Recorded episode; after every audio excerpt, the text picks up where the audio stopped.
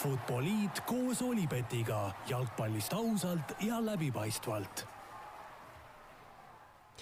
no nii, tervitused taas kord Futboliidi kuulajatele, kõigile jalgpallisõpradele, teist nädalat järjest oleme saates kolmekesi, aga endiselt ei saa öelda, et stuudios kolmekesi, eks ole, väikest viisi selline kaks tuhat kakskümmend eriteema. stuudios oleme täna küll kahekesi, aga mitte mina, Raul Õessar ja Joel Hinder mitte, vaid hoopis mina, Raul Õessar ja, ja Hannes Anier tervist, tervist! Ja Skype'i vahendusel veel eneseisolatsioonis istuv Joel Hindermitt, tervitus, Joel! tere, tere! Räägime siis täna natuke tavapärasest põhjalikumalt Eesti jalgpallist, Eesti Premiumi liigast, hooaeg oleks pidanud mingite plaanide järgi juba tegelikult tänaseks läbi olema, aga paar koroona case'i on selle Levadia Flora viimase mängu edasi lükanud uude nädalavahetusse, samuti tulevad teemadeks mõistagi ka Premier League ja meistrite liiga kas teadsid, et Olipet pakub parimat mitmikpanuste diili Eestis? aga no alustame võib-olla kohe sellest kõige põletavamast teemast, koroonaviirus. Joel, mis teil, mis, mis seis teil nüüd Floras on, kas keegi on üldse haige, kas vastab tõele kuulujutt, et kogu see koroonajuhtum oli üks suur väljamõeldis, et viimaseks mänguks saaksid Lillander ja Hussar taas terveks ja Soomets ei peaks paremkaitses mängima või kuidas, kuidas see olukord ikkagi päriselt nüüd on? Väga, väga tabav provokatsioon sinu poolt. no olukord on selline, et jah, tõepoolest pärast mängu selgus, et Levadia võistkonnas oli nii-öelda üks inimene kokku puutunud, mis tähendas, et Levadia võistkond läks isolatsiooni. vastab ka tõele, et meil võistkonna sees oli üks mängija nii-öelda koroonapositiivne, mis tähendas, et kogu meie võistkond pidi minema ka eneseisolatsiooni ma tean, mõned, nii ka mina ise näiteks olen juba käinud nii-öelda testil, mis, mis oli negatiivne. ma tean, mõningad on veel käinud, nüüd meil peaks toimuma, kas ma saan aru, nädala lõpus uus testimine, et aru saada, mis, mis olukord on. aga, aga jah, praegu selles suhtes palju nagu küsimärke ja segadust, et kuidas nüüd me saame, kas ja millal me saame selle viimase mängu mängitud, kuidas on mängijate tervised, et et selline päris äh, kummaline olukord, et juba nagu sa ütlesid ka, hooaeg oleks pidanud see nädalavahetus lõppema, oleks saanud lõpuks sellele kogu hooajale joone alla tõmmata, aga, aga paraku jätkuvalt äh, peame tegelema selliste asjadega. no äh, ma saan aru, nädala lõpus tähendab siis reedel lähete uuesti testima, laupäeval peaks vist see Levadia mäng nüüd toimuma praeguse seisuga uh,? Minu andmetel oli, oli pidanud, oleks, peaks olema neljapäeval see testimine, aga, aga ma sain aru, et see veel nii-öelda on, on täpselt kinnitamisel. okei okay,, okei okay. no see Kuressaare mäng, karikamäng, sa ütlesid, hooaeg oleks pidanud läbi olema, Kuressaare mäng lükati veel üldse kuskile jaanuari lõppu, ma saan aru, et et mida sellest arvate, et eriti ootamatu ja huvitav otsus nii-öelda, eks ju? No eks siin näha oli, et äh, need päevad äh, hakkavad käest ära kaduma, millal neid mänge mängida ja eriti kui, kui Kuressaares oli see case nüüd ka praegu, siis ma arvan, praeguses olukorras mingit pidi mõistlik lahendus, et ega, ega jõululaupäeval ei taheta karikamängu Kuressaares mängida. aga jaanuari lõpp, äh, kuidas see, kuidas see üldse välja hakkab nägema, et see on nagu mingisugune treeningmängude sees lihtsalt üks niisugune võistlusmäng, et niisugune väga omapärane lahendus, mulle tundus no üsna uus lahendus, varem sellist asja ei olnud, no Soomes tegelikult oleme ju näinud, kuidas tegelikult need priisise mängud ongi ju, ju karika eest, eks ju, et et ei ole päris selline suvaline lahendus, aga aga eks ta uus ja huvitav ole, ma arvan, see ei ole probleem, kui, kui niigi on nagu tugevad mängud seal välisvõistkondadega või, või omavahel, et siis äh, selles suhtes jalgpallimäng nagu jalgpallimäng ikka okei okay,, no Hannes, võtame sinu ka ette, et sinul kõik korras, kõik testid negatiivsed, äh, terve ja, ja nii-öelda kõik korras? jaa, siiani küll, et hooaeg, hooaeg on ka läbi, on ju? hooaeg on läbi, puhkus käimas ja kõik testid, mis andnud olen, on, on negatiivsed olnud, et selle osa pealt ei, ei ole ühtegi, jah, ei saa kurta. no äh,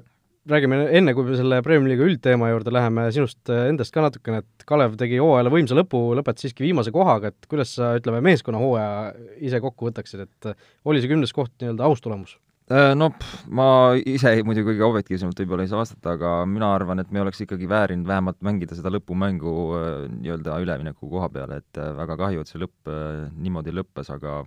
aga andsime hea lahingu ja hea võitluse seal lõpus, et äh, et kui kukume välja, siis loomulikult ei saa spordimehena sellega rahul olla hooaeg, aga ma arvan, et äh, kõik nägid, et tahtmist ja pingutamise taha nagu midagi ei jäänud, et Kalašnikovs tõi väga head niisugust uut energiat meeskonda, et, äh, et lõpp oli, lõpp oli tugev, aga kahjuks mitte piisav no sa ise lõid üheksa väravat, vaatasin viimase vist üheksa aasta parim aasta individuaalselt sul, et kuidas selles osas tunded on, et kui võistkonna etteasted nii-öelda kõrvale jätta, võistkondlikud tulemused kõrvale jätta, siis kuidas nii-öelda individuaalselt enda hooajaga rahule jääd? Mm, jah, et päris üle pikkade aastate, kui nii-öelda sai teha peaaegu siis et täishooaja nii-öelda, et koroona muidugi hooaeg natuke erinev, aga, aga üldpildis noh, ma ei saa rahule jääda selles suhtes, et kui meeskond välja kukub, et ma olen ikkagi meeskonnamängija, aga individuaalses plaanis äh, üsna okei okay, jah, et äh, et üheksa väravat väga palju jäi kindlasti löömata, aga, aga üldpildis nagu enam-vähem no kaks punast kaarti, üks neist hooaja viimases mängus, äh, siin kuskil Sokkernetis oli ka kirjutatud, et loodetavasti ei jää Indrek Zelinskilikuks punaseks kaardiks, et võtad nii-öelda viimases mängus lahku stiilselt, et mängid ikka edasi või? Äh, noh, äh, raske veel öelda ja selles suhtes puhkus käib ja mõtteid on igasuguseid, aga loomulikult on mul plaan edasi mängida, kui selleks võimalus äh, tekib. Okei okay., jääd, jääd selliseks, ütleme, jätad kaardid avatuks? Noh, selles suhtes jah, et ma lihtsalt muud moodi ei saa hetkel vastata, et ma, ma ise ka ei tea ja, ja eks ole näha, et, et loomulikult jalgpall on mul alati hinges olnud ja, ja proovin sellega tegeleda nii, nii kaua kui võimalik. olgu nii, no räägime siis täna, nii,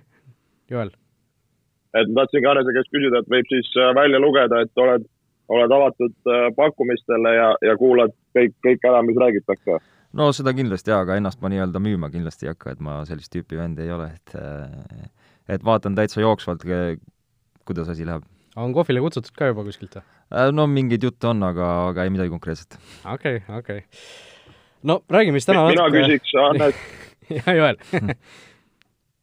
ja ei taha mind üldse lasta rääkida, Raul.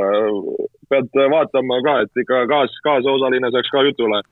Et tahtsin Annese käest küsida, et äh, sellel hooajal palju väravaid ja, ja väga palju uhkeid äh, celebration eid väravate puhul, et äh,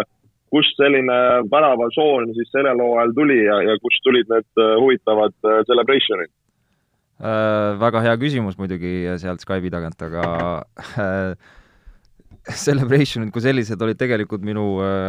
minu nii-öelda hobid või et, et üritasin väljal, üritasin siis väravate näol peale väravaid siis näidata, millega nii-öelda vabal ajal tegelen, et, et ega seal mingit see oli taga... poks vist oli, on ju? nojah, poks ja kalastus ja golf ja nagu ikka need, need, need asjad on, on mulle hakanud meeldima, et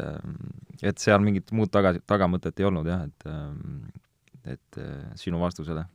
värava löömine oli siis ühesõnaga töö ja, ja celebration'id olid hobi? no umbes niimoodi jah, et äh, aga jah, hooaja, hooaja mõttes selles suhtes ikkagi,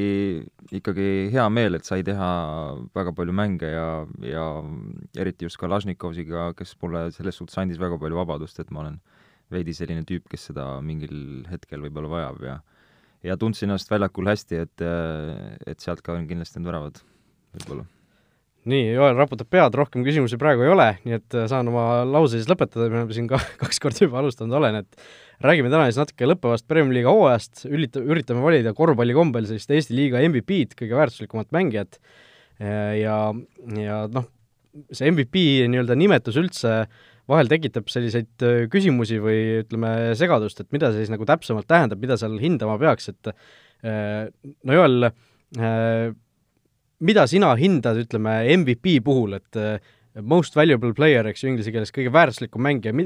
mis eristab, ütleme, väärtuslikku mängijat parimast mängijast, mis, mis see tunnetuslik vahe nende vahel on, kuidas sa seda kirjeldaksid? Äh, no esmajoones ma nimetaks seda seda, et äh, kuidas oli ta nagu siis oma võistkonnale kasulik, ükskõik, mis see aspekt on, et see ei ole ainult väravate löömine, see võib olla nii-öelda see mõju võistkonnale, mõju väljakul toimuvale, kõik see. Äh, noh, nagu korvpallis just eriti NBA-s tihti vaadatakse seda mängija nagu isiklikku esitust või numbreid nagu rohkem ja vahest unustatakse natukene nagu see võistkonna edu seal taga nagu ära, ehk mis tähendab seda, et ka sellised mitte ainult tipptiimi võistkonnad ei, ei, äh, võistkonna mängijad ei nopi neid MVP auhindasid. Et ma üritasin ka ise siin natukene vaadata sinna tabeli allapoole, et muidu oleks see valik natukene nagu liiga igav, kui valida ainult seal tabeli esimest ja, ja teist kohta. et proovisin leida niisugust tasakaalu, samas väärtustades ka seda, et kuidas sellel võistkonnal hooajal läks. okei okay,, ühesõnaga mingis mõttes siis äh, sinu nagu hinnangud põhinesid sellel, kes oma võistkonnale kõige väärtuslikum oli ja siis äh, noh, põhiliselt ikkagi seda ja siis äh, nagu lõppkokkuvõttes mingi kaalukeel oli ka see võistkonna, võistkonna edu selle juures. just, just, just nii. Okei okay,, no me mõlemad panime enda mingisuguse sellise top äh, seitsme, top kümne, midagi sellist äh, vahepealset kokku, panime need tabelid omavahel kokku ja siis ja siis saimegi mingisuguse sellise väikese tabeli siit kokku, ma ei tea, kas me võib-olla alustame nendest mängijatest, kes napilt välja jäid äkki? et võib nii. et meil siin joone alla jäid nii-öelda Amir Nato, Aleksandr Zakarjuka, Marko Meerits, Kando Peala ja Pavel Marin. No võib-olla, Hannes, sina, Marko Meerits jäi napilt joone alla, kas Markole mõne värava lõid see hooaeg? Äh, ei löönud minu arust, minu teada ei löönud kahjuks hooaeg siis, siis on nii-öelda asjakohane ikkagi ta siia topi juurde lisada äh,? ma arvan küll, Merit seal selles suhtes, ma väravat nii hästi, väravahte nii hästi võib-olla hinnata ei oska kui väravti treenerid või näiteks Joel, kes võib-olla igapäevaselt näeb seda protsessi pisut paremini, aga aga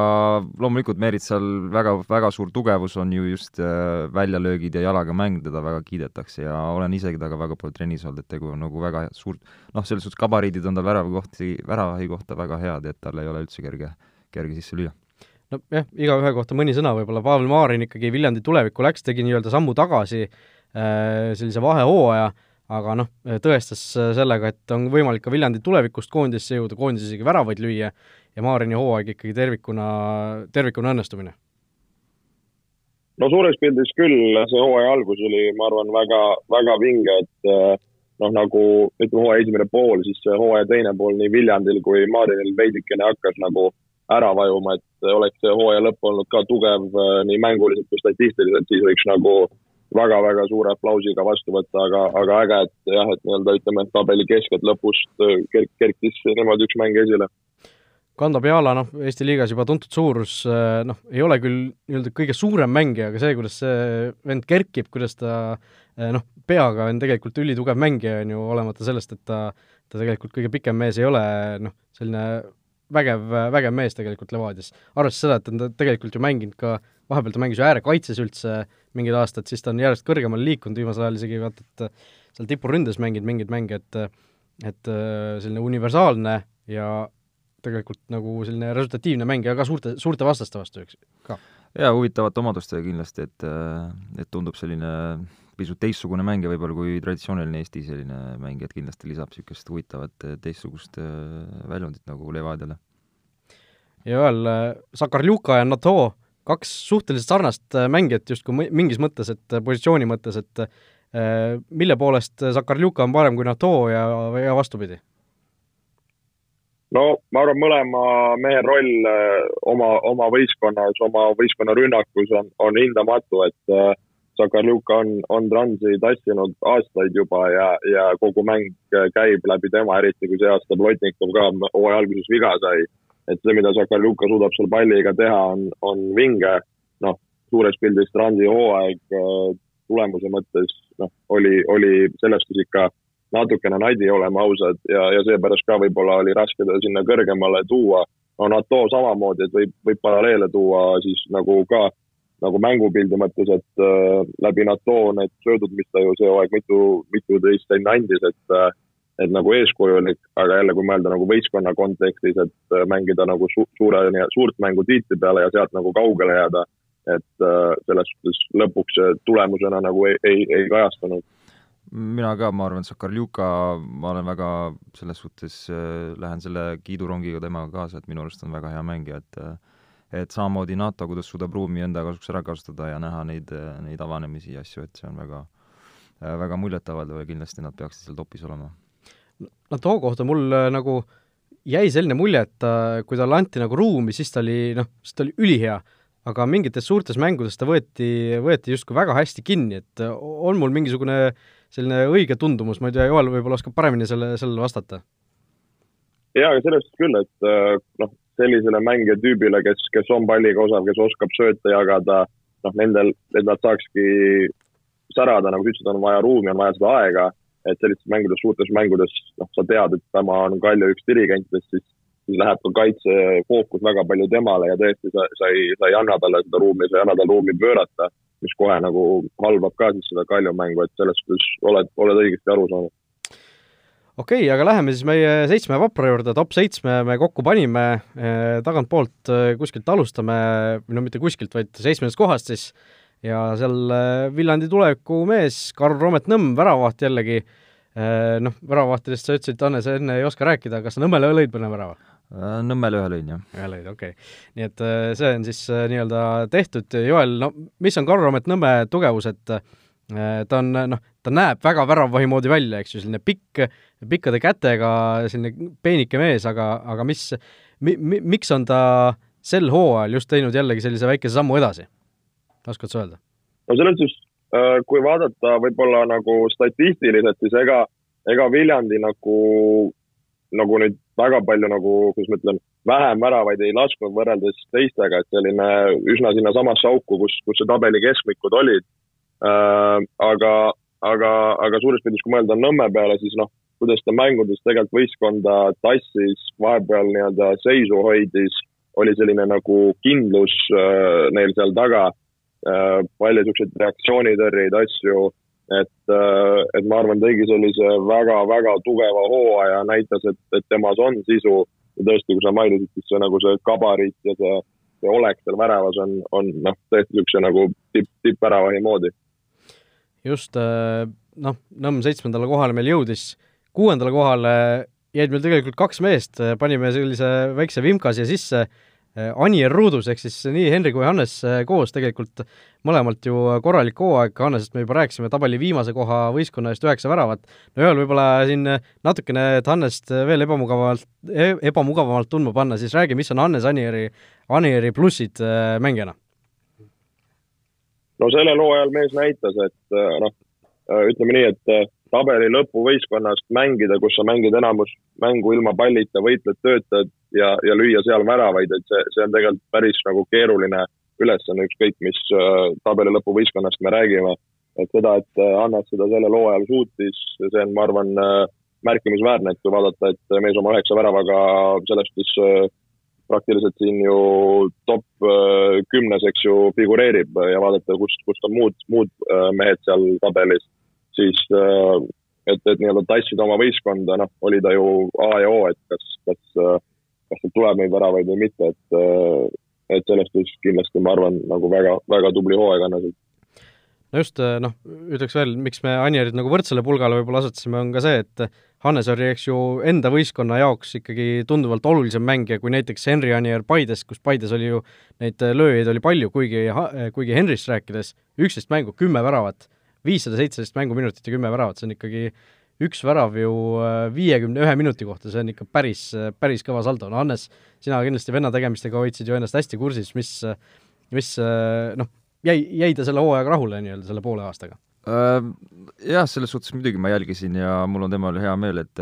et eks see koroonaaeg oli kõigil natuke keeruline ja, ja selles suhtes saab nüüd öelda, et ta ikkagi tegi nagu hea otsuse väga ja ja isiklikus plaanis lõi palju väravaid, teenis mänguaega, noh, küll mitte nii palju võib-olla ja teatud vigaste näol, aga, aga ikkagi väga hästi ja, ja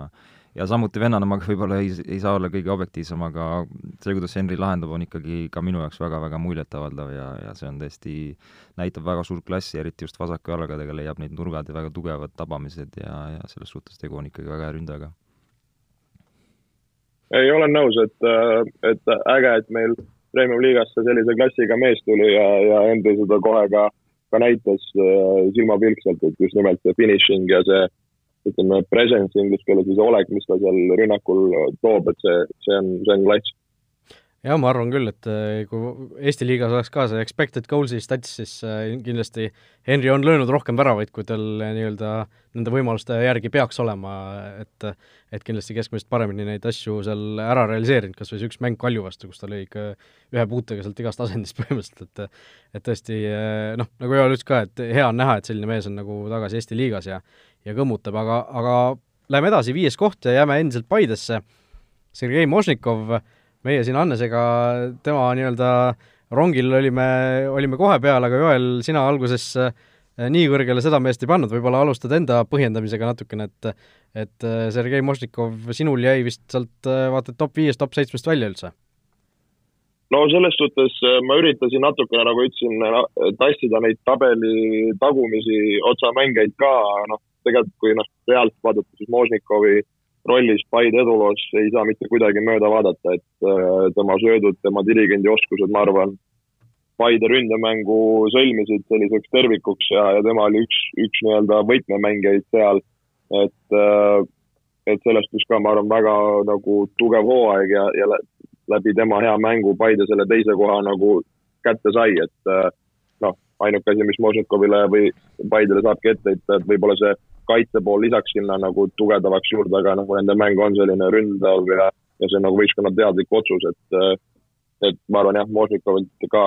juba, juba kogenud mehena jällegist väga-väga tugev äh, hooaeg ja ja, ja jällegist nagu selline klassi, klassi näitamise aasta. Mina ka Možnikovi kindlasti oleks isegi kõrgemale pannud, et väikse üllatusena tuli, et Joel ta jättis alguses üldse sealt, tahtis välja jätta, aga eks see jälle näeb pisut naljakas ole, aga, aga Možnikov ikkagi väga-väga hea hooaeg ja, ja kuidas ta sidus mängu ja, ja lõi võimalusi teistele mängijatele, et no neliteist väravasöötu, eks ju no, koos, koos NATO-ga kõige, kõige parem näitaja. no just, jah, et numbrid ei valeta ja, ja kindlasti vääriks seda kohta seal eespool minu arvates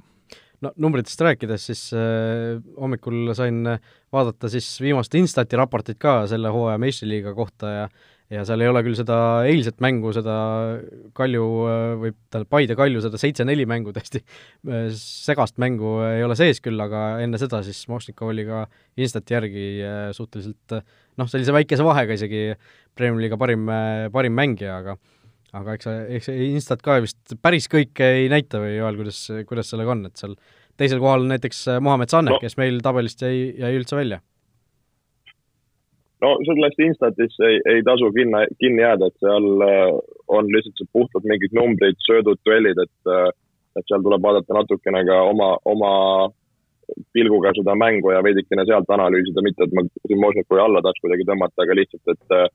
ma arvan, see Instatisse ja sellesse mingi indeksi numbrisse, mis on mingi saja erineva kordaja summa nagu, et see, see, see ei näita nagu päris alkat, see näitab midagi, aga olles teinud Instati põhjal oma, oma magistri lõputöö, siis olen kursis, et äh, see ei ole nagu puhas, puhas tõde ega piibel. Okei okay,, aga puhas tõde ja piibel on see, mis meie siin nüüd äh, ütleme, sest neljandale kohale tuli meil noh, üllatusmees võib vast öelda. Äh,, järjekordne väravavaht, Pavel Londak, no Joel, see oli, see oli jällegi puhtalt sinu selline mõnes mõttes soolo, si-, sina, sina oleksid Londaku tahtnud paigutada isegi kõrgemale, minul oli ta ka seal kuskil tabelis sees, aga mitte nii kõrgel, lõpuks ta neljandale kohale meile maandus, Pavel Londak, noh, neljakümne aastane jah, nel-, nelikümmend on ta, eh, aga tegi ikkagi suurepärase hooaja Legioni eest. no ma siin olen naljatanud, et on olnud eh, terve hooaja, ma arvan, üks, üks parimaid väravahte premium-liigas, kus meil on kõik tegelikult, kõikides tiimides tegelikult olid ju väga head väravaid et äh, no see mees tassis minu arust kogu hooaja, see, kuidas ta löökidele ette kuidas ta mängu luges, äh, hoidis Leegionit nagu samamoodi mängus, et, äh, et jällegi, kui me rääkisime, kui väärtuslik saab üks mees ühele võistkonnale olla, siis ma arvan, Londak ja Leegionile seda, seda igatahes oli ja, ja tema kogemus ja, ja positsioonivalikud nagu näitasid seda hästi. Londak on ja minu, minu, minu silmis ka väga-väga hea väravat ikkagi ja on, on, on muljetavaldav, et ta sellises vanuses suudab, suudab nii häid mänge teha, et olles temaga treeninud ja tema vastu mitmeid kordi mänginud, siis siis sellel vennal ei ole kerge sisse lüüa küll, jah. No samas arvud jällegi, sa ütlesid, Hannes, arvud ei valeta, tõrjeprotsent seitsekümmend Londakul, sellest parem on näiteks sel hooajal Pehteril, Matrossovil, Valneril, Toomil, Nõmmel, Meeritsal ja Igonen kaheksakümmend viis protsenti, eh, noh, tõesti teistest ikka mäekõrguselt üle, et et äh, kuidas seda seletada, kas Leegioni vastu saadakse paremaid võimalusi? No ma ei, eks seal tuleb arvata, vaadata kindlasti neid löödud väravaid ja kuidas need on tekkinud, et tihtipeale ju väravaid ei saagi nii-öelda midagi parata, et seal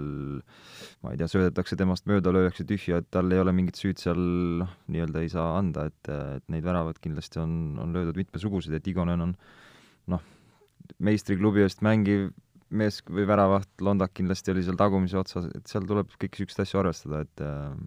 et jah, numbrid alati ei, võib-olla ei, ei peegelda seda täit tõde, nagu Joel ütles, et nojah, okei okay. äh,. Igatahes Lonak meil neljandale kohale jäi äh,, Joeli vist kaotasime korra ära, aga nüüd on Joel ka tagasi äh,. tahtsid veel Londaku kohta midagi öelda või läheme esikolmiku juurde? Läheme esikolmiku juurde. Rauno Zappinen, kolmas koht, Premiumi liiga siis parim väravakütt, nagu eelmisel hooajal oli Erik Sorga, siis sel hooajal jällegi pika edumaaga Rauno Zappinen, aga meil jäi ta alles kolmandale kohale. no Joel, jällegi võib-olla alustame sinust, kuna Flora asjadega sina ilmselgelt kõige paremini kursis oled. ütleme siis kohe ära, et esimesed kaks meest on ka Florast. et kas Zappineni mõju tõesti ei olnud siis nii suur, kui võib-olla väravade arvust võib välja lugeda või, või kuidagi ma üritan siin natuke võib-olla teistpidi provotseerida, tegelikult oli hea mees, aga aga lihtsalt teised olid veel paremad no ütlen ausalt, kui ma seda tabelit koost-, koostasin, siis eks mul veidikene niisugune huvide konflikt siin oli ja endal oli ka imelik siin neid võib-olla oma mehi niimoodi ettepoole panna, aga samas, kui vaadata, mis, mis hooaja me tegime tulemuse mõttes, tabeli mõttes, kui nagu kindlalt me, me selle tiit-, ma arvan, oleks Flora mehi nagu välja, et kui oleks näiteks ka nagu kõrvalseisev inimene, et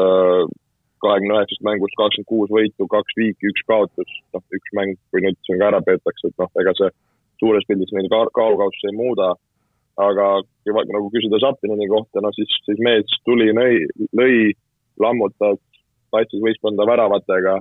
et just nimelt väravatega, et võib-olla muud mehed, kes seal eespool olid, olid lihtsalt äh, teistpidi mänguliselt äh, kasulikud nagu võistkonna jaoks, aga aga, aga Zappineni üle ainult hea meel, et äh, mees tuleb ja natuke olnud siin eemal võistkonna juurest ja liigast ja tuleb ju kohe kakskümmend kuus tükki, et see, see on jälle, jälle klassi näitaja. Hannes, sina kui ründaja, mis on Rauno Zappineni äh, need äh, head omadused, millega ta neid väravaid lööb, mis, mis, mis tema suurimad plussid on? Noh, ma pean ausalt ütlema, ega ma, ma, ma ei oskagi öelda, mis ta täielik selline suur-suur pluss on, et äh, kindlasti väga hea väravnina, ma oskan öelda, et äh, Flora puhul on kindlasti, tuleb ka mängu, et nad on väga, väga suuresti domineeriv võistkond Eestis, et neid väravavõimalusi tekib lihtsalt nii palju rohkem äh, ründajatel ja ja see nagu hõlbustab seda väravate löömist ja statistika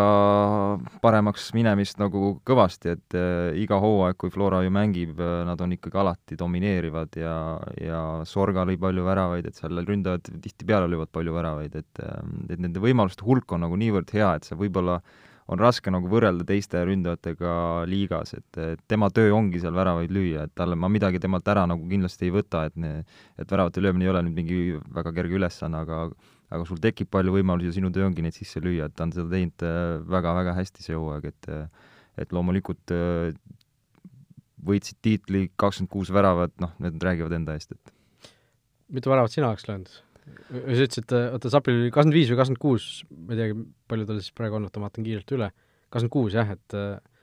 Kalevist oli üheksa, Floras ütleme, võimalusi on rohkem, noh, ma räägin, raske öelda, et ma kindlasti selline ennast kiitja tüüpi ka ei ole, et äh, ma ei oska sellele vastata. no Joel oskab.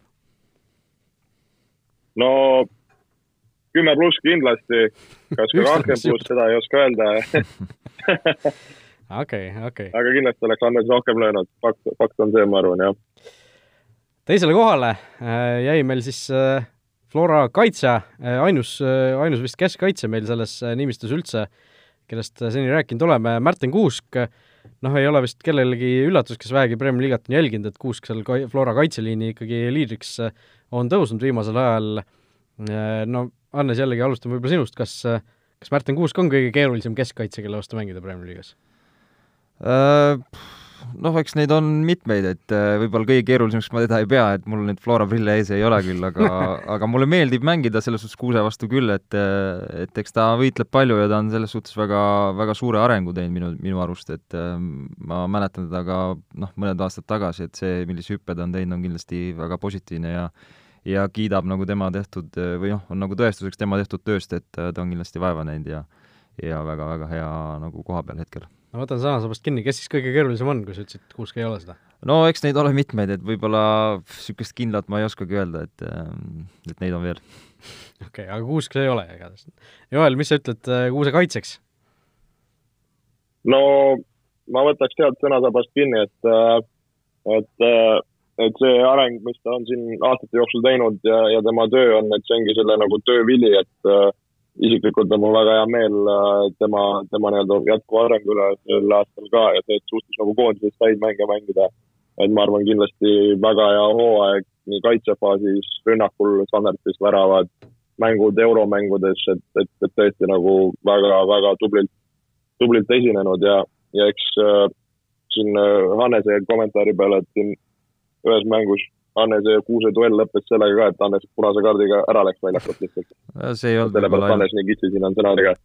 see ei olnud kindlasti meie see ainus duell, et et seal provotseeriti, aga, aga viga tehti ikkagi teise mängija vastu, mis ka minu tehta, minu, minu arvamusel ei olnud väärt äh, teist kollast, aga las see jääda. okei. no äh, Kuuse kohta minule viimasel ajal on üha rohkem tundunud, et äh, et ta on nagu võrreldav mees natukene Alo Pärengrobiga mingi, mingi nurga alt, et selline põlemine väljakul, selline mõnes mõttes mängustiil, noh, mõlemad ei ole ju kõige pikemad keskkaitsjad tegelikult, Kuusk on ka juba noh, ta nagu mingil hetkel ka, kui ma vaatasin nagu kuskilt paberi pealt, et kui pikk ta tegelikult on, ta on vist meeter kaheksakümmend kaks, kolm, midagi sellist, et et ta ei ole tegelikult keskkaitse kohta üldse pikk, aga aga tegelikult ta tundub nagu ikkagi selline,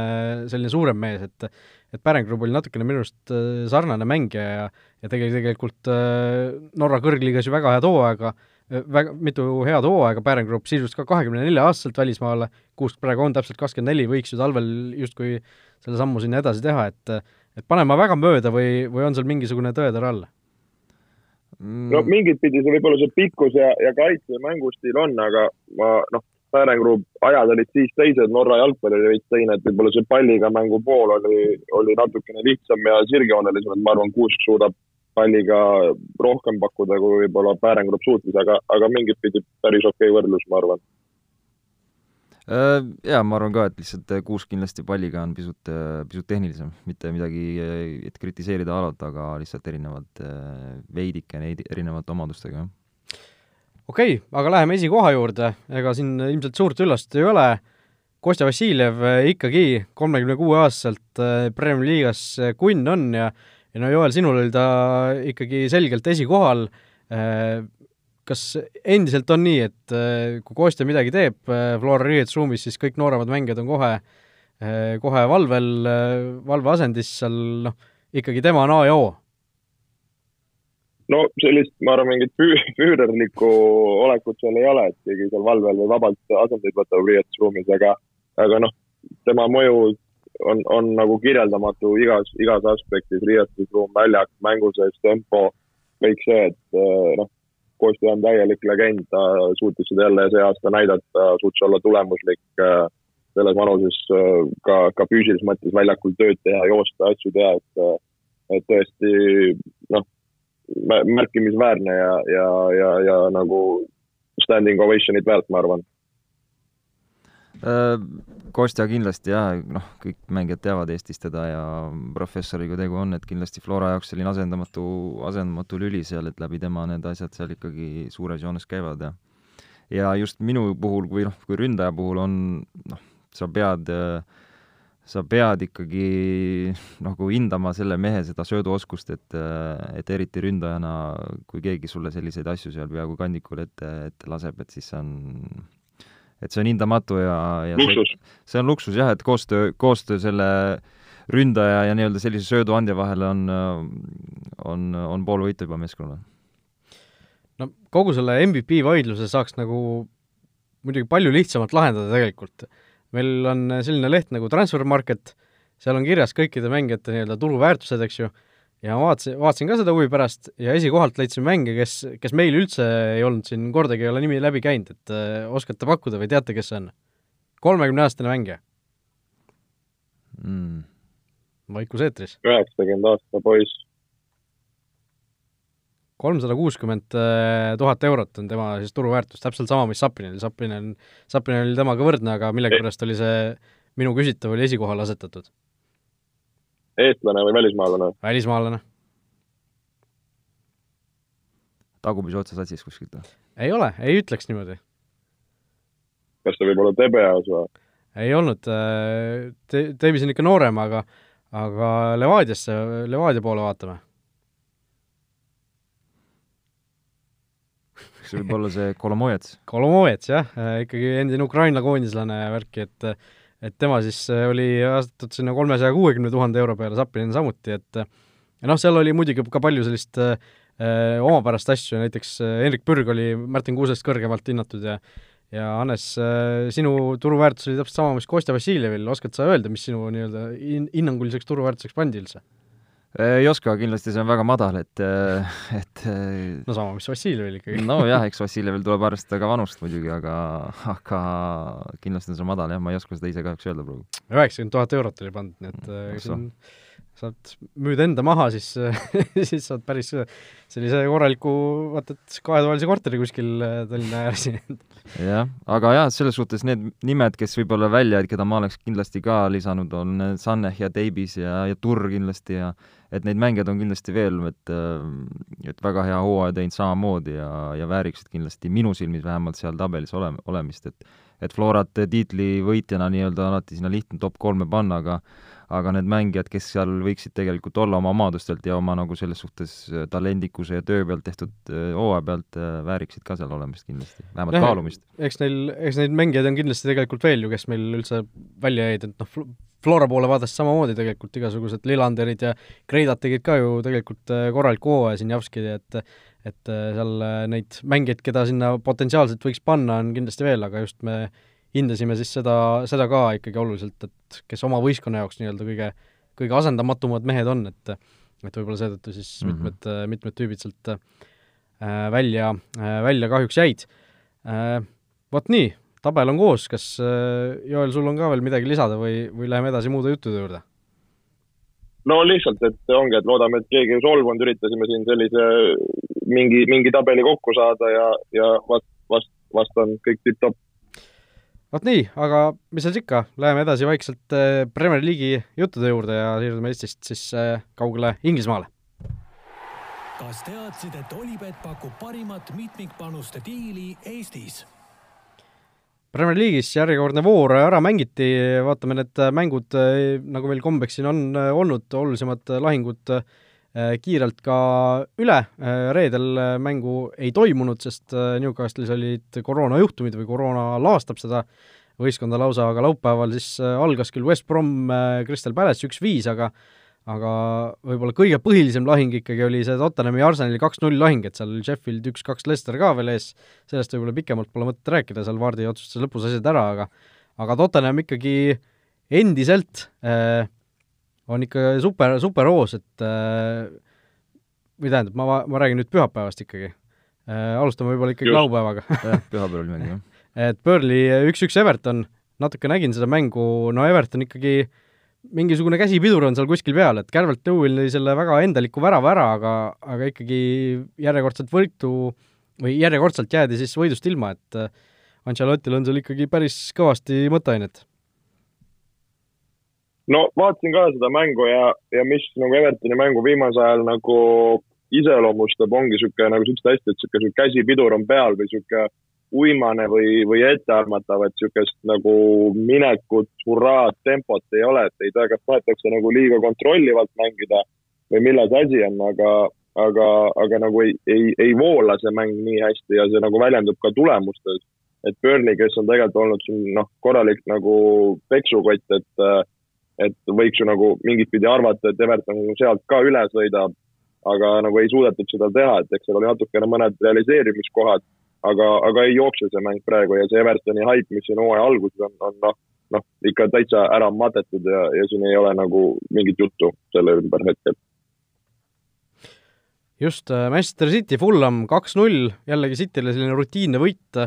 mis oli võib-olla huvitav äh, selle mängu juures, oli see, et Peep Guardiola ei teinud mängu jooksul mitte ühtegi vahetust seal ütles, et äh, säästis natukene mehi või lasi meestel mängida ja ilmselt äh, paneb siis ikkagi nädala sees meistrite liigas ka täiega, et et kuigi Cityl on see alagrupi esikoht juba meistrite liigas kindel, siis siis lubas seal ikkagi täiega välja minna, et kolmanda-neljanda koha peale see sportlik, sportliku printsiibi järgi oleks ka ikkagi kõik võrdsed mängud ja või noh, tähendab siis, et City mängiks võrdselt nii Marseille kui olümpiaakose vastu, kes seal, kes seal selle kolmanda koha peale võitlevad ja nii edasi, et et sellest mängust ka võib-olla väga pikalt pole mõtet peatuda, aga aga West Ham, Manchester United üks-kolm äh,, täiesti kaks eri poolaega, nagu Manchester Unitedil viimasel ajal kombeks on olnud äh,, jäädakse võõrsil kõigepealt kaotusseisu, et siis äh, võimsalt sealt tagasi tulla. Äh,, no jällegi see Unitedi mäng on äh, nii keeruline on seda kuidagi kirjeldada, et see seal nagu alguses West Ham oleks pidanud esimesel poolel kaks, kaks-kolm tükki võib-olla isegi ära lööma seal oli ju Haller põhimõtteliselt läks juba seal Dean Hendersonist mööda, oli täiesti tühi värav ees, aga siis koperdas iseenda jalgade otsa, kukkus pikali, et no Hannes, sa noogutad siin kaasa, kas United vääris sellest mängust võitu? no ka minu arvates pigem võib-olla mitte, et selline huvitav, huvitav joon on olnud Unitedil jah, terve hooaeg minu arust juba ja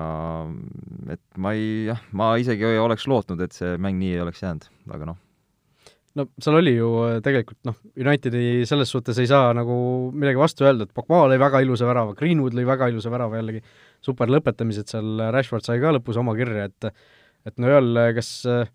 kas United ikkagi tõuseb sinna esikolmikusse tagasi ja hakkab vaata tiitli peale võitlema siin või või ikkagi selles võistkonnas nii palju sisu ei ole? No nii palju sisu ei ole, et äh, jälle naljakas mäng, et ütlesid hästi, et Essa poolaeg, vaatasin seda mängu, mõtlesin, ma kirjutan äh, meil nii-öelda sõpradega, kes meil on selline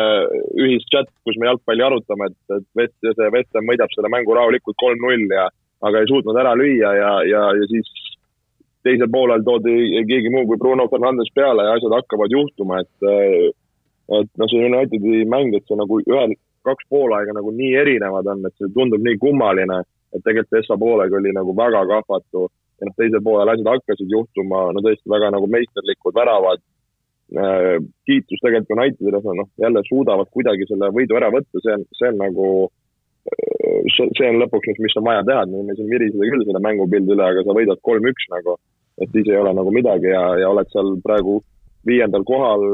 esi nii-öelda esi, esisuures mängus sees nagu, et siis ei saa nagu viriseda, aga lihtsalt kuidas need tulemused kogu hooaja lõikes tulnud on, et see on natuke nagu see, see murekoht, et äh, ma ei tea, mul on tunne, et me, meil United on nii keeruline punt, et me ei äh, nagu pole mõtet neid analüüsida, et kogu aeg on seinast seina see jutt. no neli võitu järjest ikkagi on tõsiasi, on ju. loomulikult ja üks mäng vähem peetud äh,, liidrist Tottenhamist äh, viie punktiga maas, et äh, noh, kui see üks järelpeetud mäng ka veel võidetakse, siis on ainult kaks punkti vahe ja siin ole set the wheel ja sõidame tiitli poole, on ju, aga, aga noh, see sellest, sellest on meil ilmselt, ilmselt natukene palju rääkida. aga räägime Chelsea, Chelsea ja Leedsi mängust, Chelsea sai samuti kolm-üks võidu, noh, mängu algus ka tundus natukene, et seal Leeds ikkagi teeb seal Chelsea'le ka natukene uut ja vana, Patrick Bamford juba neljandal minutil ju viis seal Leedsi juhtima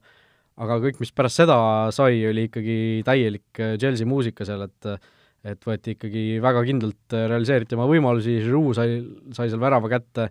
äh, lõi nurgalöögist ja lõpus seal Pulisic ka, et et Chelsea'l ikkagi lõpuks selline vääritud võit, ikkagi selgelt, selgelt palju vääritum võit, kui, kui Manchester United selle sai. Nõus ja no Chelsea jälle näitab klassi, et Leeds on siin väga paljudele juba see hooaeg peavalu valmistanud korraks nad seal mängu alguses valmistasid, aga, aga siis oli tõesti need äh, võtmed äh, Chelsea käes, näitasid jälle nagu head minekut, oli seal tegelikult võimalus nagu rohkemgi realiseerida. et äh, Chelsea nagu mängust mängu kasvab selliseks ühtseks võistkonnaks, nende mäng läheb, läheb voolavamaks, loogilisemaks, et et nii-öelda põnev, põnev, mis seal toimub ja, ja igati teenitud võit Oliver Giroud seekord põhis pärast Euroopas lammutamist lööb ka värava, et tegelikult mängis nagu hästi ja, ja Suma jälle värav standardist, et päris, päris palju juba, kas ma ei eksi, neli väravat äh, saanud äh, noor prantslane, noh, noor, kes enam saab öelda, aga aga sellest siis Chelsea paneb vinget praegu. Chelsea tõesti paneb vinget, jah. see tundub, et nende rong on kuidagi hakkama hakkamas nagu täistuuridel tööle ja mina julgeks neid küll pakkuda ka sinna tipumängu ikka väga lähedale, jah. Suma minu fantasy poiss ka, nii et mul on nende kõikide väravate üle kohe topelt hea meel nii et äh, noh, tõesti, me Chelsea'st oleme siin rääkinud ka ju, et, et nad on, nad on ikkagi võimsalt tulemas ja võimsalt sinna tipu poole rühkimas ja praegu ka ju tegelikult noh, nad ongi sisuliselt seal tipus kaks punkti ainult Tottenhamist maas, kolmas koht ja ja samuti seal äh, ikkagi üheteistkümnest mängust ainult üks kaotus sel hooajal, nii et kõik on, kõik on väga, väga okei okay praegu Frank Lampardil, aga pühapäevast mängude juurde tagasi tulles, alustasime küll kogemata nendest, aga, aga räägime siis edasi, Tottenham kaks-null Arsenal no ei olnud Tottenhamil seal peale nende kahe värava sisuliselt mitte ühtegi võimalust. aga ikka võidavad ära, eh, Muriniol eh, ikkagi kõik väga plaanipäraselt läheb praegu, eh, viimased kolm mängu, kaks-null võit City vastu, null-null Chelsea'ga, kaks-null Arsenaliga, punkt number üks, kolm clean sheet'i, eks ju, ja punkt number kaks, vaatasin, et Spursil on kokku olnud nendes kolmes mängus, kokku, mitte siis keskmiselt, aga kokku, üks koma kakskümmend kolm seda kuulsat expected goals'i. ehk siis kolme mängu peale kokku nad oleks pidanud tegelikult lööma ainult ühe värava, aga on löönud neli, võtnud sealt seitse punkti, Kein ja Son, Son ja Kein, niimoodi nagu need Spursi väravad ikka tulevad, nagu tõesti fantastiline hoog on sees Morinal praegu. jaa, väga hea hoog ja eks see ongi jalgpalli võlu, et ja mulle samamoodi väga, väga tegelikult Tottenham meeskonnale isegi meeldib mingil määral ja Son ja Kane, noh, kihvt vaadata, et väga hästi ikkagi, väga hästi lasevad. no Joel, kas Arteta peaks juba tead asju pakkima kuskil? no kui sa juhatad mind sisse Arsenali küsimusega, siis noh, Arsenali jaoks väga suured mured, et noh, viimase neljakümne viie aasta kõige kehvem algus Arsenali poolt vaadatuna, et kui sa mõtled nagu selle klubi peale ja mõtled nagu selle numbri peale, et viimase neljakümne viie aasta kõige kehvem algus, see on Arteta käe all, see on praeguse Arsenali võistkonna käe all, siis äh, on mured, et vaatasin siin Arteta mängujärgset intervjuud ka, no see, see jutt on lihtsalt natukene nagu hale naljakas, et no see jutt, me kontrollime mängu, me domineerime, noh, selles suhtes see oli teada, et täpselt see mäng niimoodi läheb, et, et, et, et Tottenham istub seal kaitses, teeb roppu mööda tööd, mida nad tegid, noh, seda oli nagu vinge vaadata, kuidas jälle seal siis Soko ja Höiberg on, on üle väljaku igal pool rappimas, kaitsjad hoiavad tagaasjad korras. aga kui mõelda nagu Arsenali peale, et nad nagu nad ei suuda luua, et ta räägib, me laseme krosse kasti ja, ja meil on nagu löögid ja asjad. aga kui sa vaatad neid krosse või lööke, need on sellised nagu umbmäärased, seal ei saaks ühestki väga nagu olukorrast öelda, et oleks pidanud värava lööma. või, või, või noh, ei suudeta nagu häid momente tekitada. Arteta räägib, et me peame nagu sisse lööma, aga seal ei olnud väga variantigi, mida sa oleks pidanud sisse lööma või mis, mis on võimalik hästi sisse lüüa. et, äh, et see mängustiil ka, et nad praegu mängivad seda nagu kolmest või viiest kus need wingback'id lasevad krosse kasti, noh, kelle peale sa lased, sa lased Viljani, Aubemeyangi ja Lacazette'i, ei tule sealt keskväljalt mingit toetust, ei tule sealt mingeid kaugemaid wingback'e, kes oleks õhus väga head. et see nagu ei ole Lacazette, Viljan, Auba, ei ole keegi neist mingid, mingid õhuvõitjad, kes läheks ja rammiks selle palli kasti, äh, kastist peaga sisse. et nagu mis mäng see nagu on, et see on niisugune nagu ootad midagi nagu suvalist, et, et äkki, äkki nagu juhtub ja äkki keegi hüppab seal peaga üle. ei hüppa, et kui sul ongi seal Alderweirelid ja, ja Taierid taga, et äh, pane, too Oliver Giroud tagasi ja siis rammi neid krosse, et, et see nagu mäng, mängustiil nagu minu jaoks ei, ei ole loogiline. Iseasi, kas oleks mõtet, mõtet hakata seal formatsiooni peale mõtlema, et äkki kuidagi rohkem nagu loogilisemalt neid jõude sinna üles saada aga, aga see on tegelikult nagu ikka väga mannetu ja piinlik praegu, mis, mis nagu Arsenali puhul, puhul toimub, et äh, jätkuvalt nad ei suuda ei tekitada ega lüüa. Arsenal on sel hooajal olnud kümme väravat Premier League'is, äh, Heung-Min Son on löönud kümme väravat, Harry Kane on andnud kümme assisti, et noh, see, need äh, numbrid panevad nagu asja ikkagi päris perspektiivi. Jaa, panevad küll jah, et Arsenalil on ikkagi praegu väga nii-öelda kehvas kohas, tundub no välja langema nad veel vist ei hakka, et sinna on seitse punkti on vahet selle viimase, tabeli viimase kolmikuga, aga noh, seda tuleb siin jälle nagu eelmisel hooajal ka mingil hetkel tuleb hakata juba vaata et rohkem jälgima kui Arsenali puhul, kui seda, et palju seal esinelikust või kuskilt sealt puudu on, et jah, juba ju tehakse ju nalja isegi, et see Arsenal tv on huvitavam mäng, huvitavam vaadata diivani peal kui Arsenali mänge. Need on nüüd Arsenali enda fännide sõnad muidugi. Just. ja õhtu lõpetas siis no, ma... nii, jah, Joel? et, tahaks tegelikult ka Tottenhami kiita, et nagu noh, sa Moka otsast kiitsid, aga tegelikult need mehed panevad praegu heas mõttes hullu, et äh, kui sa räägid seal clean sheet idest, mis tulemused on kätte saadud, kuidas see mäng on, kuidas kogu võistkond töötab, et see on nagu nii Moriniolik ja siis tulevadki sul kontrast, lahendavad ära nagu ideaalselt, et äh, et praegu nagu asjad klikivad väga hästi ja sellest äh, klikkimisest tegelikult nagu tekkis huvitav idee, et Garrett Bale jälle ei saanud peale. Et äh, nüüd küsimus ongi, et kas, kas nagu Morinho ei julge nagu seda nagu tasakaalu või seda võistkonna hinge praegu nagu rikkuda Bale'iga, noh, Bale ei ole niisugune vend, kes sul nagu töötab seal oma kasti alla ja rapsib nagu hullult, hullult teeb tööd. et, äh, et praegu nagu need Morinho asjad jooksevad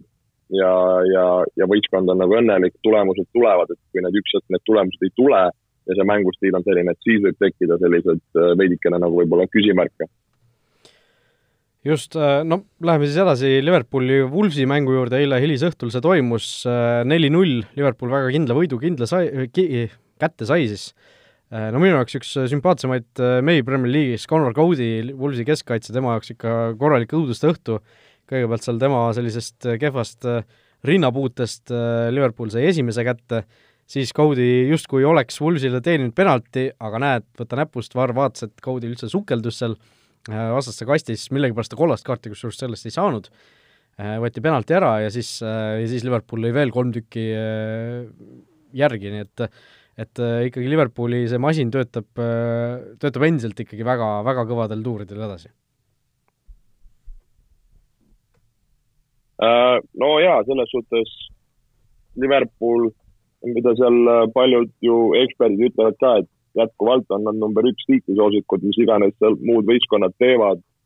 sõita Wolvesist niimoodi neli-null üle, kindlalt üle, jälle näitavad klassi, näitavad oma kindlust, jälle nagu väga head väravad, välja mängitud väravad et äh, noh, Trent oli juba tagasi, et kui nad ükskord hakkavad neid mehi ka tagasi saama, siis, siis need mured nagu hakkavad nagu veelgi rohkem kaduma. et äh, oleks nagu uskunud, võib-olla see Liverpooli niisugune madalseis on võib-olla nagu hirmsam või, või asjad lähevad nirusti, aga kui vaja, siis nad tulevad, perform ivad ja, ja teevad oma nagu tulemuse ära, et äh, kiiduväärt töö. Äh, jaa, vahepeal tundus küll, et Liverpool hakkab äh, nii-öelda nende vigastuste ja kõigi näol nagu stopi peale jääma see asi, aga siiamaani üksteist mängu peetud, kahekümne nelja punktiga seal tabeli otsas on, et et äh, usun, et teevad ikkagi väga hea hooaja ikkagi, jah. Hannes, Tottenham või Liverpool või Chelsea, kes tiitli võidab? Äh, tead, ma paneks isegi, või tahaksin vähemalt tegelikult näha Tottenhami seal number ühe peal, aga okay aga no raske öelda. kindlasti tuleb kin-, põnev, põnev võitlus. Joel, kelle, kelle kasuks sinu valik nendest kolmest läheb, kas on endiselt Tottenham number üks, nagu me siin äh, tagunud oleme seda trummi? no siin veel ükskord viskasime selle välja, et kogu aeg ei saa seda siin välja visata. ma, ma praegu ei vasta sellele küsimusele kasutad võimalust vaikida Äh, täna õhtul siis ja. üks mäng, üks mäng veel Premier League'is äh, toimub, äh, see on Brighton ja Southampton, nii et Southamptonil ka võimalus seal enda, enda olukorda tabelis natukene, natukene parandada, võidu korral tõuseksid nad viiendale kohale Manchesteri tiimide ette. Aga võib-olla vaatame kiirelt üle ka uue vooru kõige olulisemad mängud, no kahtlemata vooru tipphetk laupäeval üheksateist kolmkümmend Eesti aja järgi Manchesteri derbi Old Traffordil, United versus City, no United on neli võitu järjest võtnud, Cityl on äh, seal, hakkab vaikselt alles hoog tagasi tulema, kas äh, Solskjaer teeb jälle Guardiolale ära või, äh, või näeme seal mingisugust muud tulemust seal? Mina näen City võitu seal, et kui Ole Gunnar võtab sealt võidu, siis see oleks midagi, midagi metsikut. aga mitte enneolematut tegelikult? no mitte enneolematut, aga kurja ma ei, ma ei usu sellesse millegipärast. City nagu praegu on, ütleme, salaja hiilib sealt äh, praegu, kus see nagu fookus on veits nende pealt ära kadunud, siis neil saavad tulla, saavad siin mängima, on praegu resultatiivsed olnud, et äh, ei tahaks uskuda, aga võib-olla eksin. jaa, millegipärast pakun ka Cityt, aga nagu sa ütlesid, ei ole enneolematu, et äh, ma mingil, mingi osa minust ikkagi usub, et äh, United äh, jätkab üllatamist ikkagi ka veel. no ma vaatan siin Unitedi ja City viimased mängud viimasest neljast mängust kolm on lõppenud Unitedi võiduga näiteks, et tegelikult seal Solskjaeril on see mingisugune võti olemas, millega Guardiola see võistkond äh, lahti muukida, nii et ma üldse ei imestaks, kui United selle mängu äh, jälle võidaks, aga ma arvan, et ikkagi City võtab sealt sellise napi mingisuguse koleda mänguga üks-null võidu kuskilt äh, ütleme siis, kes see värava võib seal lüüa, see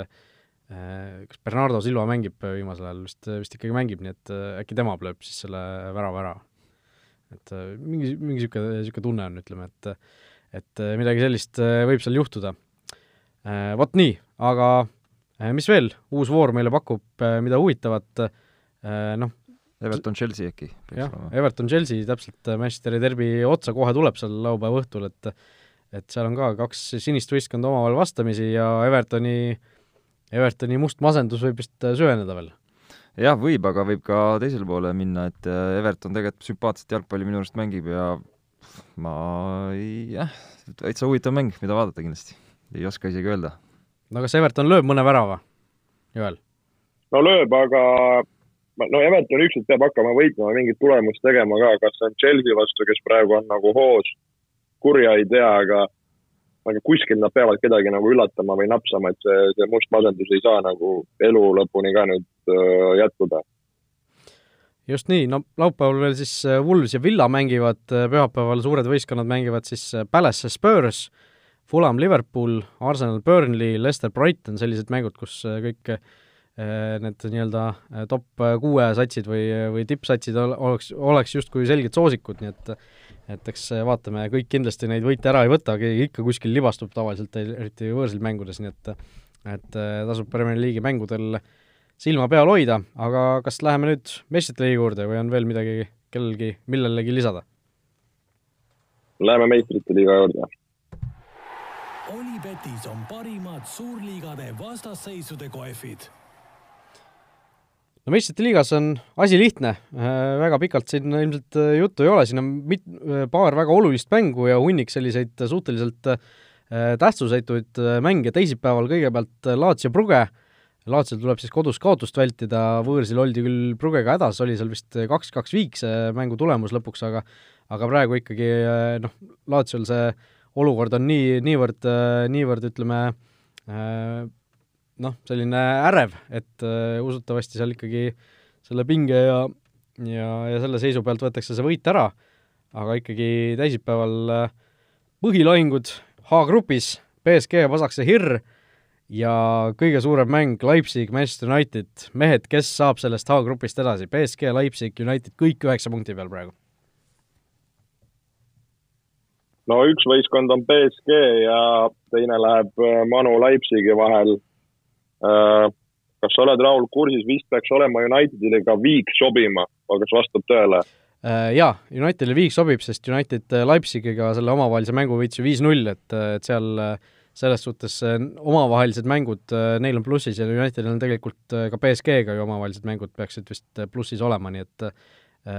või oota, ma kontrollin selle igaks juhuks üle. ei ole ikkagi jah, BSG-ga ei ole omavahelised mängud plussis, aga aga viik Unitedile igal juhul sobib, sest siis nad jäävad Leipzigist ette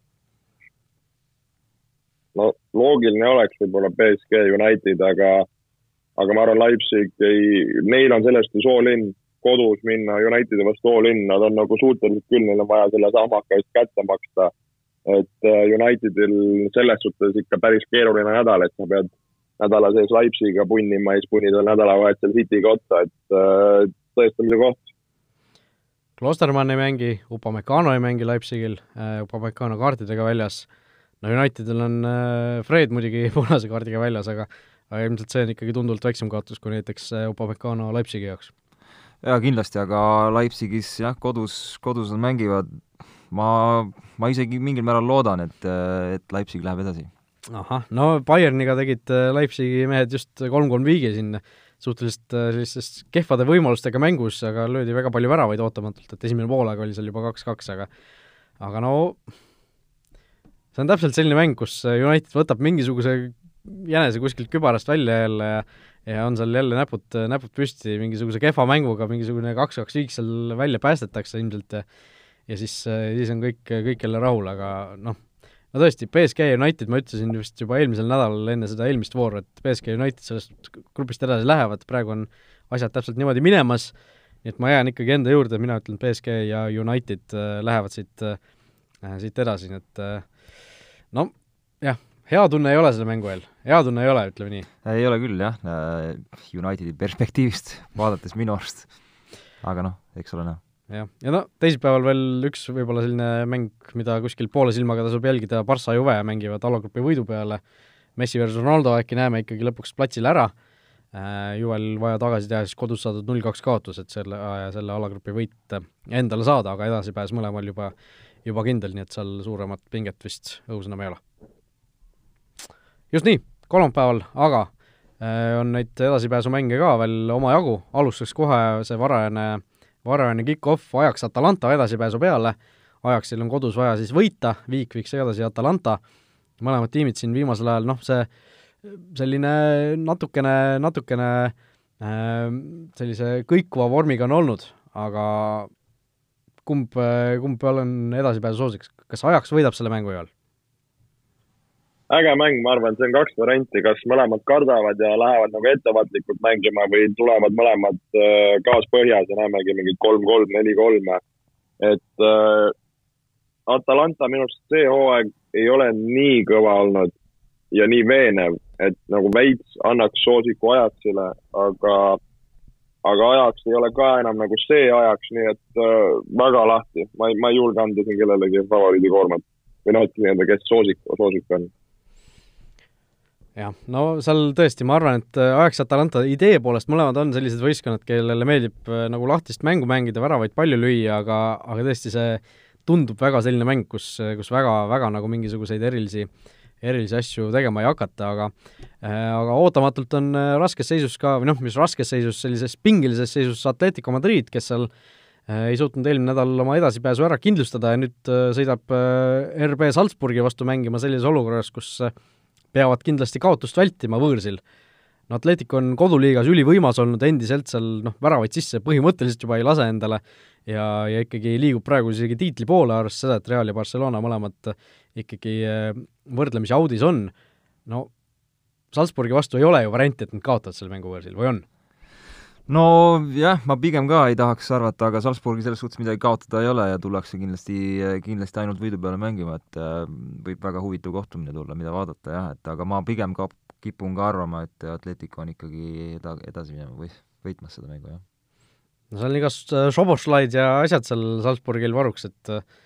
Atletico võtab selle mängu nulliga ära või hoiab sellise null-null viigi või mis ta, mis ta, mis sa, Joel, arvad? no ma arvan jaa, et Atletico läheb sinna ilusti istuma ja kontra peale mängima, et neil ei ole kuhugi kiiret, et seda nad oskavad, et äh, tahaks uskuda, et Atletico klass ja niisugune tarkus nad sealt äh, edasi viivad, et neil ei ole vaja kuhugi vohada seal. Aga noh, põhi, põhi action käib ikkagi meil äh, mõistagi seal B-alagrupis, kus on olukord selline viimase vooru eel siis, et kõik neli võistkonda teavad, et, et olenevalt sellest viimase vooru tulemustest nad võivad kas edasi pääseda või välja langeda, ühelgi võistkonnal ei ole mitte midagi veel kindel, tabeliseis siis Borussia kaheksa, Šahtar seitse, Real seitse ja Milano Inter viis ja viimases voorus mängivad siis Inter, Šahtar ja, ja Real Gladbach no lihtne küsimus, Joel, kes lähevad sellest alagrupist edasi, kaks võistkonda? no päris lihtne küsimus, eks no ma ei tea, täitsa ulmeline, ulmeline, ulmeline nagu versioon, mis siin saama hakkab. No Šahtar on siin kaarte seganud, aga ma ei tea, ma kuidagi olen pimesi kogu aeg seda Interit uskunud, ma ei tea, kas see on selline rumal usk, aga kuidas nad viimane mäng mängisid, noh, mängisid nagu minu jaoks väga head mängu et äh, kui ma mõtlen niimoodi, et Inter, ma arvan, suudab Šahtari ära võtta, siis on Interil kaheksa. mida teevad Real ja Gladbach? no Reali vormist ma ei saa aru, mis neil toimub. Koduses liigas sellised väga mannetud mängud, väga kehvad tulemused, Champions League'is väga kehv. et, äh, et mul on tunne, et äkki kui neil nüüd nagu niisugune selg vastu seina on või, või ora seal tagumikus, et, et äh, nüüd nagu võtavad äh, Äh, enna, endal nagu jalad kõhu alt välja, et ma nagu annaks nagu nii-öelda mõlemale jutumärkides suurele sellise eelise või ootaks, et nad nagu näitavad oma taset. Aga ma ütlen, et ma ei imesta, kui mõlemad ka põruvad ja kas, kas viiki või tuppa saavad. no ülihuvitav seis jah, ma ise pakun, et edasi lähevad äh, Gladbach ja Inter. Gladbach ja Inter, okei okay.. see siis eeldaks, äh, eeldaks meil seda, et oota, kas see on üldse võimalik või? on ikka äh,. on ikka, jah. kui see, see tähendab siis, et Inter, Inter peab võitma äh, Šahtari, jah, ja Gladbach peab, peab äh, vähemalt viiki mängima Realiga. või oota, kui, kui Real ja Inter jäävad samale pulgale, siis äh, kellel meil eelis on? Real võitis ühe mängu, Real võitis mõlemad mängu, nii et äh, Gladbach peab võitma siis. peab võitma ainult jah, noh, seda ja. huvitavamaks teeb, aga mul on mingi sisetunne, et, et nii võiks minna ma kusjuures äh, olen äh, Joalipaadis siin, et ma arvan ka millegipärast, et Real ja Inter mõlemad võtavad selle võidu ära ja, ja kui nad mõlemad võidavad, siis ongi nemad kahekesi edasi, et praegu on selles tabelis üks ja kaks on Gladbach ja Donetsk, aga ma arvan, et lõpuks on ikkagi üks ja kaks Real ja Inter, nii et et muidugi oleks tore, kui keegi nendest suurtest nagu välja jääks, oleks nagu lõpuks meistrite liigale mingisugust sellist, sellele alagrupi turniirile just mingisugust sellist intriigi ka juurde, aga aga noh, selles suhtes intriig mõnes mõttes on juba ol-, olemas, et kui siin Šahtar peab kaks korda Realile ära ja ja tõesti Gladbach ka siin Interit kollitab, et et ma arvan, et siin on see alagrupp on niigi põnev, aga millegipärast on tunne, et Real ja Inter lähevad, lähevad ikkagi siit edasi. vot nii, meistrite liiga jutud ka räägitud, võib-olla lõpetuseks kiire ennustus ka, et täna õhtul ju Eesti koondis saab endale MM valiksarja vastased teada, et üks riik, keda vastaseks tahate, Joel, on mõni selline, kellega tahaks jube, jubedalt, et Eesti mängiks? eile just mõtlesin selle peale ja, ja käis selline koondis läbi nagu Prantsusmaa. Prantsusmaa, okei okay., seal ikkagi maailmameistrid, Mbapped no, no ütleme, neid teisi, neid ju suuri oleme siin niimoodi riburada pidi natukene nagu saanud, Hollandit, Saksamaad, natuke ka Inglismaad, et ma tahaks kas Prantsusmaad või Inglismaad, et äh, ülejäänud ei, ei paku pinget. Mm, jah, mingil määral nõus Joeliga, et äh, Prantsusmaa oleks väga põnev kindlasti, olen täitsa nõus. okei okay,, okei okay., no Prantsusmaa selles suhtes tõesti, et me pole nendega ikkagi väga ammu mänginud, seal oli vist kaks tuhat kaksteist äkki seal enne EM-i oli mingisugune mm. kontrollmäng, eks ju, kus me nendega mängisime, aga noh, see oli niisugune äh, maavõistlus, mitte, mitte ikkagi valikmäng, et äh, seal Kreida versus Pogba duelli või või seal mingisugust äh, Lillander Mbappé vastu, midagi sellist oleks ju, oleks ju äge, äge vaadata, et et äh, noh, lepime siis kokku, et Prantsusmaa, Prantsusmaa meil sealt esimesest potist tuleb ja võib-olla lõpetuseks ka üks selline kiiduminut või selline noh, mälestusminut on selle kohta väga halb öelda, aga Enar Jääger teatas, et lõpetab karjääri, ikkagi vägev karjäär Eesti mõistes üle, tugevalt üle saja mängu koondises, mis teie, ütleme, esimene mälestus on, kui te Enar Jäägeri karjääri peale mõtlete, võib-olla Joel, alustame sinust, viimased paar aastat ju äh, oli ta Floras ka nii-öelda sinu hoolealune, aga aga mis, äh, mis sulle kõige esimesena nii-öelda meelde tuleb Enar Jäägeri peale mõeldes? no ma praegu nagu vastaks nii-öelda sellele, et need aastad, mis ma, ma siis nii-öelda Floras kokku puutusin temaga, et äh, noh, kuidas ma ütlen, minul oli nagu suur au temaga koos töötada, et äh, et tõesti nagu täielik Eesti koondise legend, palju ta on mänginud, mida ta on näinud, kellega koos mänginud, et et see, kuidas ta nagu inimesena oli selline väga normaalne, avatud, sõbralik, kui oligi tihti noh, tegelesime seal kaitseasjadega, alati sai nagu temaga küsida, arutleda, andis võistkonnale mingeid juhiseid, alati väga töökas, professionaalne, et noh, tõesti selline noh, suurepärane nagu mängija ja inimene ja, ja, ja tõesti ka nagu kvaliteedi mõttes äh, olnud ju noh, Eesti, Eesti koondise jaoks ju noh, ütleme kümnendik kogu aeg sa tead, et temalt saad sa selle nagu taseme kätte, et äh, ma arvan, võib-olla inimesed ei, ei oska teda nii väga hinnata, kui, kui hea mängumees ta tegelikult on ja oli nagu, et äh, massive, massive respect nagu selle mehe kohta. Jaa, Enar on täielik, täielik legend, et äh, mul on samamoodi olnud temaga võimalus koos mängida ja treenida ja, ja tema vastu ja, ja vend on ikkagi nagu täielik äh, raudmees, et äh, nagu Joel ütles, ei hinnata tihtipeale neid asju, mida ta võib-olla väljakul tegi või milliste omadustega, mis omadused tal nagu mängijana on, et et tõesti täielik legend inimesena kui mängijana ja, ja soovin talle ainult, ainult parimat. No mina Enar Jäägerit treeninud ega temaga koos treeninud kahjuks või õnneks ei ole, aga aga mina, kui mina Enar Jäägeri peale mõtlen, siis äh, mul tulevad kaks episoodi meelde, üks on see, kui ma olin suhteliselt äh, noor ikka, vaatasin neid koondise mänge, siis äh, kuidas ma jälgisin, kuidas ta nendesse kahevõitlustesse läks, siis äh, noh, kui, kui oli, ütleme, õhuvõitlus, eks ju, noh, ta oli paljudest, eks ju, ründajatest lühem äh,, aga ta hüppas nagu kuidagi varem õhku ja hõljus seal õhus niimoodi ja siis võttis neid peavõitlusi, ma vaatasin, et kuidas ta seda teeb nagu. ja siis ma sain, sain aru, et ta hüppab ikkagi tunduvalt varem õhku nagu kui need vastasmängijad ja kuidagi, kuidagi mingisugune üks detail, mis tema mängust on nagu meelde jäänud ja teine episood on see